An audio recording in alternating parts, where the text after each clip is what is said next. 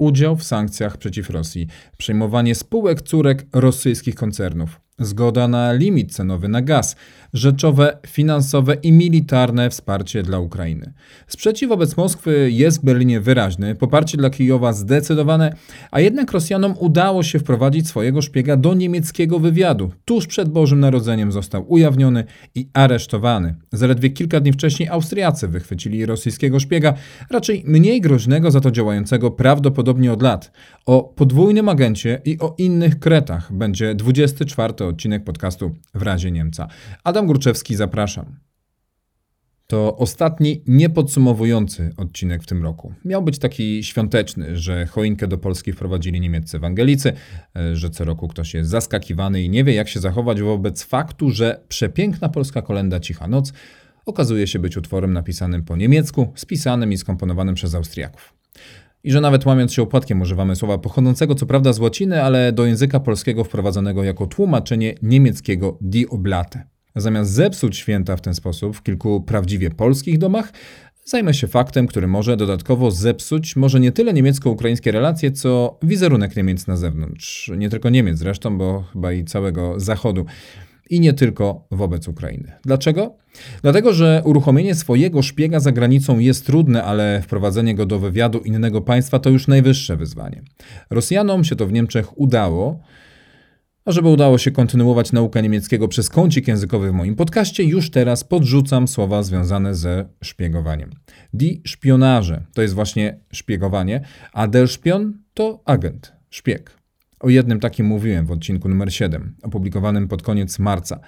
Władimir Putin był agentem radzieckim działającym w Dreźnie, jeszcze w NRD, w półlegalny sposób. Jeśli nie słuchaliście, to polecam, bo to wciąż najczęściej odtwarzany a, epizod w razie Niemca.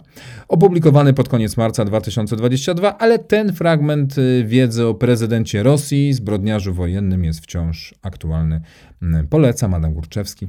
Były kącik yy, i była autopromocja, czas na fakty. Tych w przypadku Karstena L. nie ma jeszcze zbyt wiele. Zarówno wywiad, czyli Bundesnachrichtendienst, jak i prokuratura generalna bardzo poważnie i powściągliwie podchodzą do informowania o zatrzymanym mężczyźnie, co nie znaczy, że nie mam wam o czym opowiedzieć. Nim przejdę do informacji podanych przez niemieckie służby, wspomnę najistotniejsze i najświeższe dwa ustalenia. Po pierwsze, mm, El miał przekazywać Rosjanom dane dotyczące sytuacji w Ukrainie. Po drugie, robił to, bo prawdopodobnie był szantażowany. To pierwsze jest już y, pewne, to drugie nie jestem na 100% pewny, że te informacje medialne okażą się na dłuższą metę prawdziwymi, ale jest to jeden z tych wariantów, który jest zakładany. Dlaczego człowiek, który pracował e, w Bundesnachrichtendienst miał służyć Rosjanom, miał współpracować z Rosjanami, to jest pewnie największa zagadka, no jedna z dwóch, bo po pierwsze ważne jest, jakie ostatecznie dokumenty przekazywał, jaką wiedzą się dzielił, a po drugie, dlaczego to robił. W konkretnym przypadku ważniejsze jest to, co, a na dłuższą metę, co do wykrywania kolejnych takich przypadków, ważne jest z jakiego powodu. Mm, jako pierwsi informacje o tych y, właśnie danych y, y, dotyczących Ukrainy i o tym, że był szantażowany, podali dziennikarze stacji WDR i NDR, powołując się na nieoficjalne źródło w niemieckich służbach. I to jeszcze nie zostało zdementowane. I do tego oczywiście wrócę, ale teraz garść tych oficjalnych informacji. Przede wszystkim komunikat prokuratury federalnej z czwartku 22 grudnia, czyli dwa dni przed Wigilią. Dzień wcześniej doszło do zatrzymania, o czym poinformowały media niemieckie, natomiast dzień później, właśnie 22 grudnia, został opublikowany komunikat, z którego wynika, że wczoraj, 21 grudnia, prokuratura federalna przekazała nakaz aresztowania do sędziego śledczego Federalnego Trybunału Sprawiedliwości.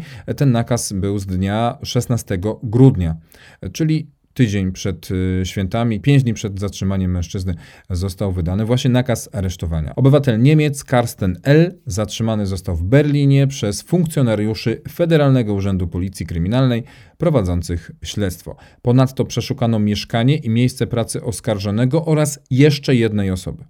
Oskarżony jest mocno podejrzany o zdradę, tu pada nazwa paragrafu, a w nakazie aresztowania przede wszystkim oskarża się zatrzymanego o następujące fakty. Ja używam słowa oskarża, chociaż wiem, że ci, którzy interesują się prawem, sprawami sądowymi i policyjnymi wiedzą, że tutaj nie można jeszcze mówić o oskarżeniu, ale chodzi właśnie o te podejrzenia.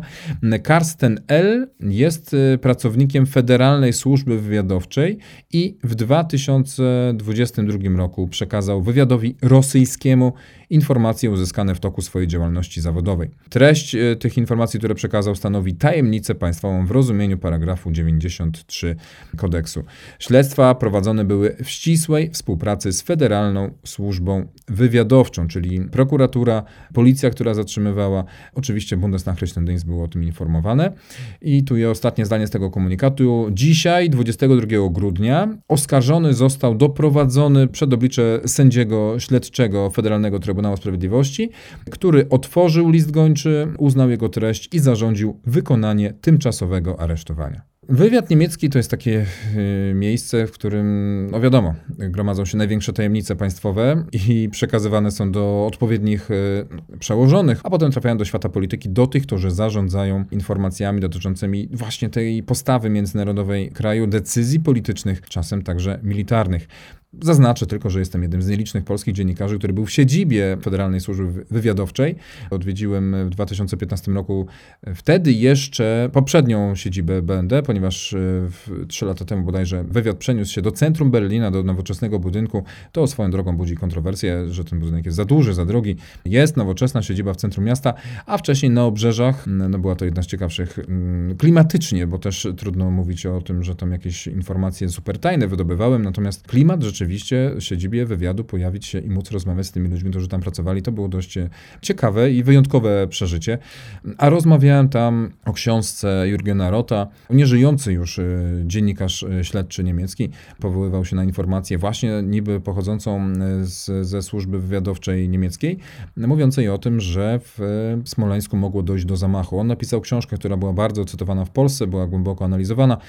Niemcy przyjęli moje pytanie i zaprosili mnie do siedziby siedziby właśnie będę, żeby to wyjątkowa sytuacja, dlatego że rzadko tłumaczą się z informacji zdobywanych, posiadanych przez siebie, a tym razem miałem taką możliwość, żeby porozmawiać z rzecznikiem, który do dzisiaj zresztą e, pełni tę funkcję, mm, o tym, czy taka notatka, z której miało wynikać, że mogło dojść do zamachu w Smoleńsku powstała, wtedy usłyszałem stanowcze i zdecydowane nie.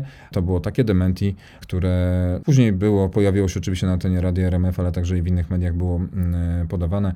Rozmawiałem wtedy też z samym Rotem, ja zapewne w, na Instagramie i na Twitterze udostępnię link, gdyby ktoś chciał wrócić do tej rozmowy sprzed 7 lat. Miał być trend, wyszło dość przydługawe mm, odejście od tematu. Karsten L., który jest ważniejszy w tej opowieści niż y, moja postać, został zatrzymany, ponieważ dopuścił się zdrady. Minister Sprawiedliwości Marco Bushman powiedział, że to jest poważny cios w rosyjską siatkę szpiegowską oczywisty sposób polityk będzie podkreślał to, co jest pozytywne w tym przypadku. Przy czym nawet on zaznacza, że jeśli oskarżenie okaże się słuszne, jeśli to podejrzenie się potwierdzi, że teraz w czasie rosyjskiej wojny Moskwa skutecznie podstawiła podwójnego agenta do wywiadu zagranicznego. No i właśnie, gdzie pracował, był specjalistą w ściśle tajnym dziale rozpoznania technicznego i zakłada się, że miał dostęp do wszystkich danych komunikacyjnych, do wszystkich tych danych zdobywanych właśnie przez tą komórkę, a te dane są zdobywane przez BND dzięki podsłuchom zainstalowanym na całym świecie. A to oznacza, że skala może być gigantyczna. Takie słowa tutaj padają wśród nie tylko dziennikarzy, ale także ekspertów zapraszanych przez różne media, bo na razie możemy tylko zastanowić się nad tym teoretycznie, co on zrobił. Około połowa wszystkich raportów wywiadu pochodzi z tego właśnie działu i istnieje w związku z tym obawa, że w wyniku jego działalności na rzecz Rosji w rosyjskie ręce mogły również dostać się informacje pochodzące od zaprzyjaźnionych tajnych służb z USA i Wielkiej Brytanii a to oznaczałoby klęskę niemieckich służb specjalnych jako udziałowca międzynarodowej sieci e, szpiegowskiej. Wiadomo, że te służby, które są zaprzyjaźnione, wymieniają się informacjami między sobą i właśnie część z tych wymienionych informacji mogła trafić w ręce L, a za jego sprawą w ręce rosyjskie. No w tej chwili to właśnie jest rozkminiane, sprawdzane, jak duża skala jego działania mogła być. Zacytuję jednego z, ze specjalistów, który jest zapraszany przez media teraz w tym okresie świątecznym, Erich Schmidt-Enbom, E, który pracuje w Instytucie Badawczym w bawarskim Weilheim. Mówi o tym, że to mogą być naprawdę gorzkie konsekwencje, bo szkody nie ograniczają się do Federalnej Służby Wywiadowczej, dotykają całej zachodniej społeczności wywiadowczej i oczywiście także służb partnerskich w Kijowie nawet w czasie pokoju kret y, takiej skali byłby oczywiście poważną porażką dla każdej służby wywiadowczej. No ponieważ teraz jest wojna, to tym bardziej należy y, tutaj y, nie tylko sprawdzać, ale też podejmować środki zaradcze przeciwko takim możliwym innym przypadkom szpiegostwa, tak mówi Schmidt-Enbom. Obawa polega też na tym, że cała zachodnia służba wywiadowcza dotycząca Rosji zostanie trwale uszkodzona, bo teraz należy sprawdzić, wszystkie powiązania, wszystkie nitki prowadzące do tego jednego człowieka, i, bo to pokazuje, że w zachodnich służbach mogą pojawić pojawiać się przypadki ludzi, którzy współpracują z Rosjanami. Tutaj podkreśla jeszcze Schmittebom, że bez wsparcia wywiadowczego ukraińskie siły zbrojne już dawno przegrałyby tę wojnę. Wspominałem o tym, że największe podejrzenie jest co do tego, że właśnie te zdobyte przez Amerykanów i przez brytyjski wywiad y, informacje mogły trafiać y, do Rosjan. Miejmy nadzieję, że teraz już nie. No dlatego, że właśnie te dwie służby, czyli amerykańska agencja NSA i brytyjska GCHQ, to widać też po cytatach, są tymi, które najbardziej przekazują informacje.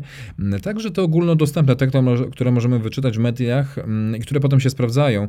Często to właśnie amerykańskie i brytyjskie służby. Rzadko cytowane są służby innych krajów, które mówią o tym, co planują Rosjanie, co stanie się w następnym kroku. To oznacza tylko, że mają bardzo dobre źródła. Jeżeli dzielili się nimi z Niemcami, a dlaczego mieliby się z nimi nie dzielić? No to właśnie to, co ustalili, mogło trafiać do Rosjan. Jeszcze na chwilę wrócę, bo tak przemknąłem może nad tym e, działem rozpoznania technicznego. Powiedziałem, że połowa tych informacji, które są kluczowe, które wychodzą z wywiadu i trafiają gdzieś dalej, to, mm, to powstają właśnie na podstawie danych z tego działu. No to, żebyście mieli świadomość skali działania, to jest 150 tysięcy rekordów dziennie. 150 tysięcy informacji, z których opracowywanych jest uwaga, 250 raportów. Mniej więcej oczywiście. Dziennie powstaje tyle raportów. I dział ten odpowiada właśnie za połowę dziennego wolumenu całej działalności służb wywiadowczych, a to pokazuje, jak ważny jest to obszar dla BND i dlaczego taki duży szok w tajnych służbach. Trudno się temu dziwić. Tym bardziej, że istnieje obawa, że Carson mógł mieć pomocników we własnych szeregach, a jeśli mówimy o innych pomocnikach, no to wrócę do tego, co mówiłem, czyli o motywach. Motyw jest bardzo ważny. Najczęściej są to pieniądze, czasami bywa frustracja, rządza uznania, czy, i to jest pewnie najgorsze, przekonania ideologiczne. Chociaż najgorsze, ale można przecież to właśnie najbardziej, najłatwiej sprawdzić, że ktoś ma inne wyznanie ideologiczne niż państwo prowadzi politykę. To państwo, dla którego on teoretycznie pracuje. I oczywiście zostaje jeszcze forma ta, która pojawiła się w medialnych przekazach, że możliwe, że był szantażowany. Jeszcze pani Maria Agnes Strack-Zimmermann, czyli szefowa Komisji Obrony w Bundestagu, która powiedziała, że trzeba się obudzić że to jest e, sygnał e, ostrzegawczy dla niemieckich służb, że należy dokładnie sprawdzić, co dzieje się w naszych służbach, naszych, czyli niemieckich, czy nie ma tam kolejnych ludzi, którzy mogą w podobny sposób e, przysłużyć się Rosjanom. W ostatnich latach w Niemczech kilka osób nawet zostało skazanych za szpiegowanie na rzecz Rosji. Natomiast taki przypadek jak ten, czyli podwójnego agenta w wywiadzie, Darzył się chyba tylko raz. Na pewno był to ostatni przypadek, o którym w Niemczech się mówi, czyli rok 2014. Wtedy to wpadł Markus R., człowiek, który pracował w BND od 2007 roku Przesłał Amerykanom drogą elektroniczną ponad 200 zestawów dokumentów i robił to przez ponad 6 lat, od momentu, kiedy nawiązał współpracę do momentu, kiedy wpadł.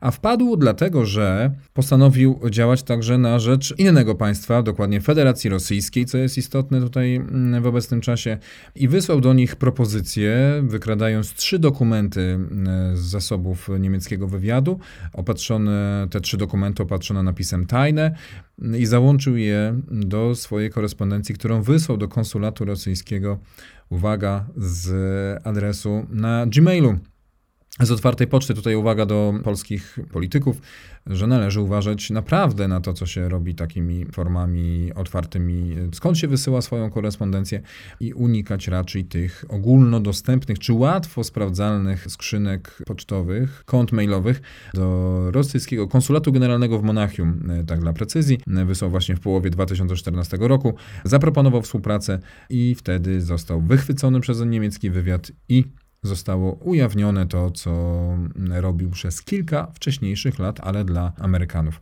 Powodem jego działania była frustracja. To a propos tego, jaką motywację kieruje. Dość szybko musiała się pojawić ta frustracja, skoro zaledwie kilka miesięcy po przyjęciu do służby zajął się szpiegowaniem na rzecz innego państwa niż to, którego obywatelem jest. Został skazany ten człowiek na 8 lat więzienia. Nie znalazłem informacji, żeby został już wypuszczony, e, ale jakoś właśnie teraz te 8 lat, na które został skazany, powinno się kończyć. E, Markus R. w każdym razie został skazany za szpiegowanie i był najgłośniejszym po upadku muru berlińskiego. Ale nie był jedynym przypadkiem tak głośnym i nie był najgłośniejszym w całej działalności Bundesnachrichtendienst. I zanim powiem o tym najgłośniejszym przypadku, to jeszcze powiem o tych z bieżącego roku, który się kończy roku 2022, który być może dla Was jest już rokiem przeszłym, bo też nie wiadomo kiedy będziecie tego słuchać. W listopadzie Sąd Okręgowy w Düsseldorfie skazał rezerwistę Bundeswehry na karę roku i 9 miesięcy w zawieszeniu, ponieważ według sądu przekazał on dokumenty rosyjskiemu wywiadowi wojskowemu. W kwietniu sąd w Monachium e, skazał z kolei naukowca z Uniwersytetu w Augsburgu na rok e, w zawieszeniu za szpiegostwo. Mm, według ustaleń sądowych przekazał informacje o europejskim systemie rakietowym Ariane pracownikowi konsulatu generalnego Rosji w Monachium. E, tego samego, do którego pisał Markus R. z prośbą o współpracę kilka lat wcześniej. W tych dwóch przypadkach jednak oskarżenie nie mówiło o zdradzie, stąd te niskie kary. U Markusa R. taka zdrada jak najbardziej nastąpiła. No i podobnie o zdradzie była mowa w przypadku tym najgłośniejszym, jeszcze w czasach, kiedy istniały dwa państwa niemieckie, NRD i RFN. E, wtedy doszło do tak zwanej afery Guillaume. Ginter Karl Heinz Guillaume był fotografem, młodym człowiekiem w latach 50. Ożenił się z Christel Margaret Baum. Znała języki, była wykształcona, umuzykalniona, grała na fortepianie. Mm, I jeszcze w tej historii pojawi się matka Erne Bom, matka e, kobiety. Oni zostali zwerbowani na początku lat 50., cała trójka, przez Stasi, przez agenta prowadzącego, który mm, prawdopodobnie takich ludzi werbował na dziesiątki, jeżeli nie więcej. Dopiero historia potem tak się ułożyła, że okazało się, że stali się ważnymi pionkami w grze e, szpiegowskiej prowadzonej głównie między NRD a RFN, ale oczywiście zamieszane były także inne wielkie państwa. W dużym skrócie opowiem tę historię. W roku 1954 Ginter Guillaume zostaje wysłany do RFN-u, czyli ze wschodnich do zachodnich Niemiec. Tam odwiedza drukarnię. No i wtedy, uwaga, pojawia się notatka, czyli w niemieckim, zachodnio-niemieckim wywiadzie powstała notatka o tej wizycie, że on przyjechał, że odwiedzał. I ta notatka, niestety niezauważona, nie połączono faktów, e, przeleżała sobie bardzo długo w archiwach mm, i nie została wykorzystana w taki sposób, jaki mogła być. Dlatego, że tuż po tej wizycie została cała trójka, czyli małżeństwo Guillaume i teściowa e, Günthera Guillaume, e, pani Erne, Bom została wysłana do Frankfurtu i właśnie najstarsza z tej trójki została właścicielką kawiarni Bom am Dom, czyli przy katedrze we Frankfurcie nad Menem powstała taka kawiarnia, która stała się przykrywką do jej działalności. Małżeństwo współpracowało ze swoją mamą i teściową, jednocześnie prowadzili swoją działalność. Zapisali się oboje do partii SPD do tej, która obecnie jest główną partią rządzącą także i wtedy także była przy władzy. Christel Baum mm, przez swoją znajomość języków została sekretarką Williego Birkelbacha, który krok po kroku dochodził coraz wyżej, był członkiem władz SPD, szefem kancelarii Landu Hesja w latach 64-69 ubiegłego stulecia. Baum została szefową jego biura, e, a Birkelbach został posłem do Bundestagu i coraz wyżej wchodził i też to ułatwiło pani Baum wprowadzanie, dawanie nowych zleceń i wskazywanie go przy nominacjach e, wewnątrzpartyjnych męża. Günther także razem ze swoją żoną awansował. Sama Bohm kandydowała w 1969 roku do Bundestagu. Nieskutecznie nie została posłanką do Bundestagu. Z czasem okazało się, że jej kariera, która też mocno rozwijała, zatrzymała się, zaczęły się zmieniać role i to jej mąż Günther e, zaczął odgrywać rolę mm, ważniejszą. W 1969 roku, kiedy jego żona mm, bezskutecznie kandydowała do Bundestagu, on już miał taką pozycję, że prowadził kampanię Georga Lebera, który trafił do parlamentu, gdzie był już wcześniej. I trafił także do rządu Williego Brandta. W tym rządzie był ministrem transportu, poczty, później także został ministrem obrony. Przy tej kampanii właśnie y, dla Georga Leibera przeprowadzonej okazały, wyszły na jaw jego talenty organizacyjne i Günther Guillaume został w końcu jednym z trzech sekretarzy kanclerza Niemiec Williego Brandta lata 1972-74. I ta funkcja sprawiła, że pojechał na przykład na wakacje do domku w Norwegii, który Willy Brandt miał, e, i tam, mimo że pojechał tam na urlop, to też pracował i miał dostęp do dokumentów opatrzonych napisami tajne, super tajne i najbardziej tajne. Także pojawiły się tam dokumenty, które były dostępne zaledwie bardzo wąskiemu e, gronu kilku osób w państwie.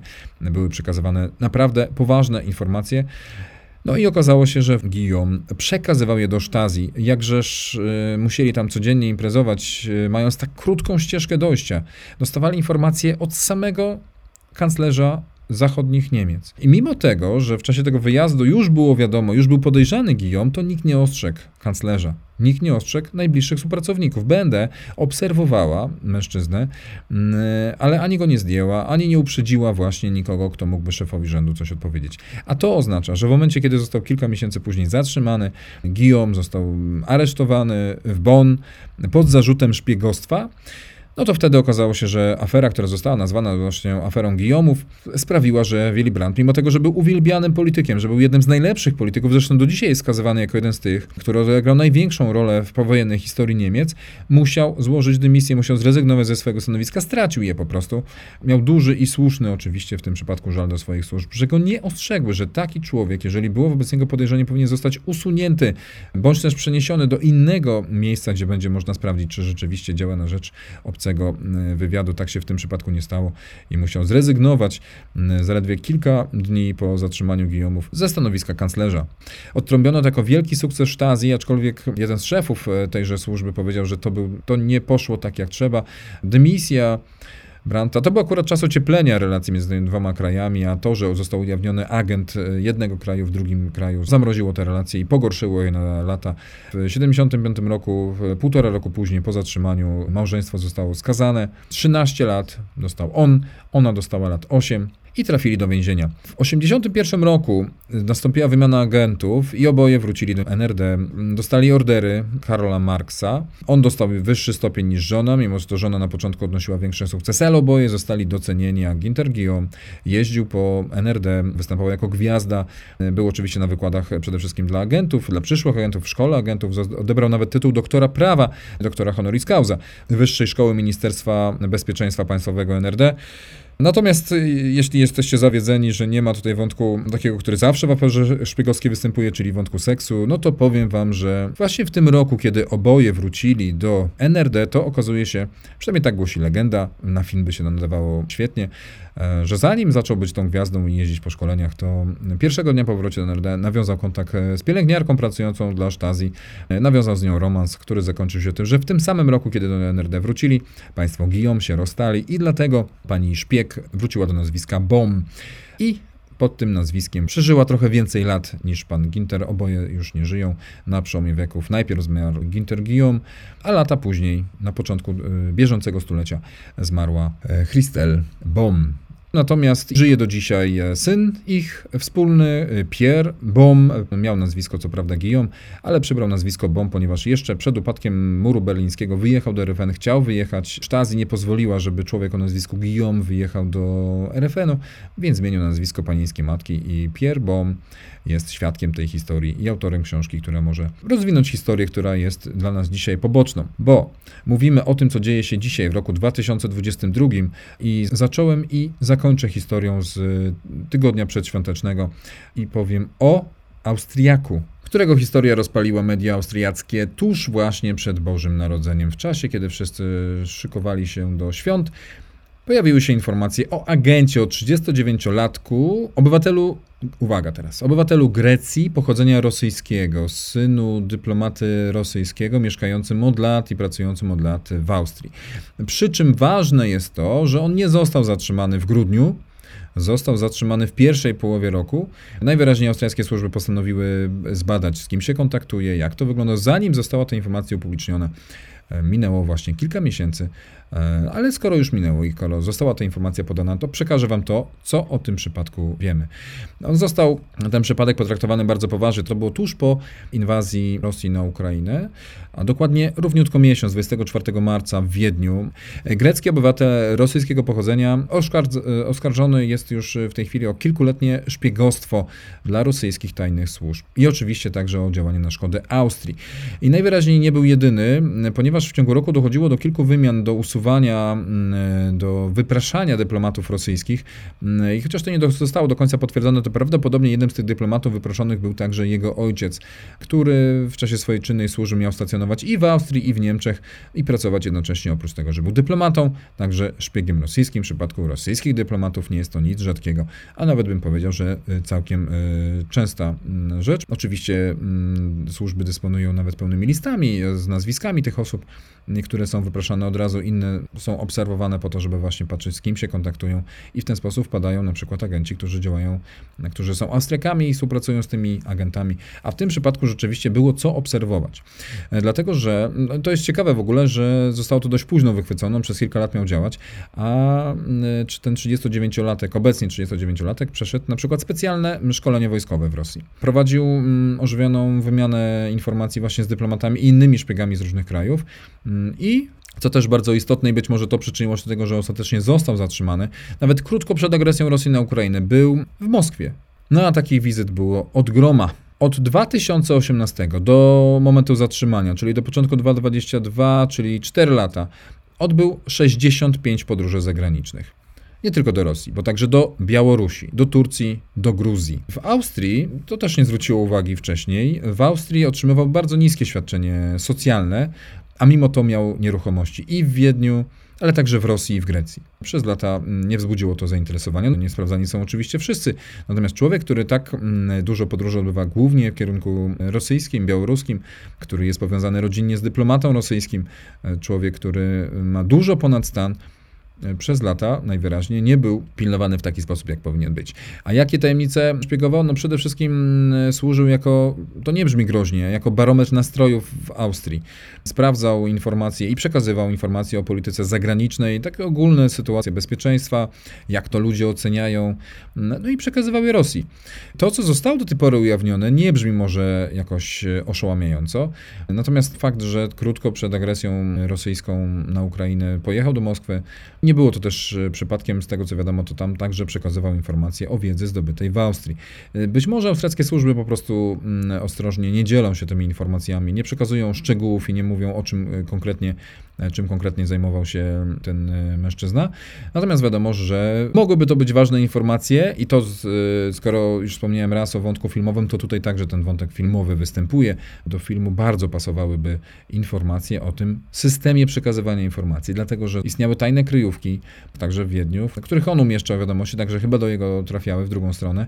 One nie były widoczne dla ludzi z zewnątrz, nie zwracały uwagi, były tak oznaczone, żeby tylko ludzie, którzy wiedzą, mogli je tam e, znaleźć. No i te informacje były odnajdywane, dlatego że służby e, sprawdziły, że w tych samych miejscach, w krótkim odstępie czasu od wizyty e, zatrzymanego człowieka także pojawiali się przedstawiciele dyplomacji rosyjskiej, pracownicy ambasady, konsulatów.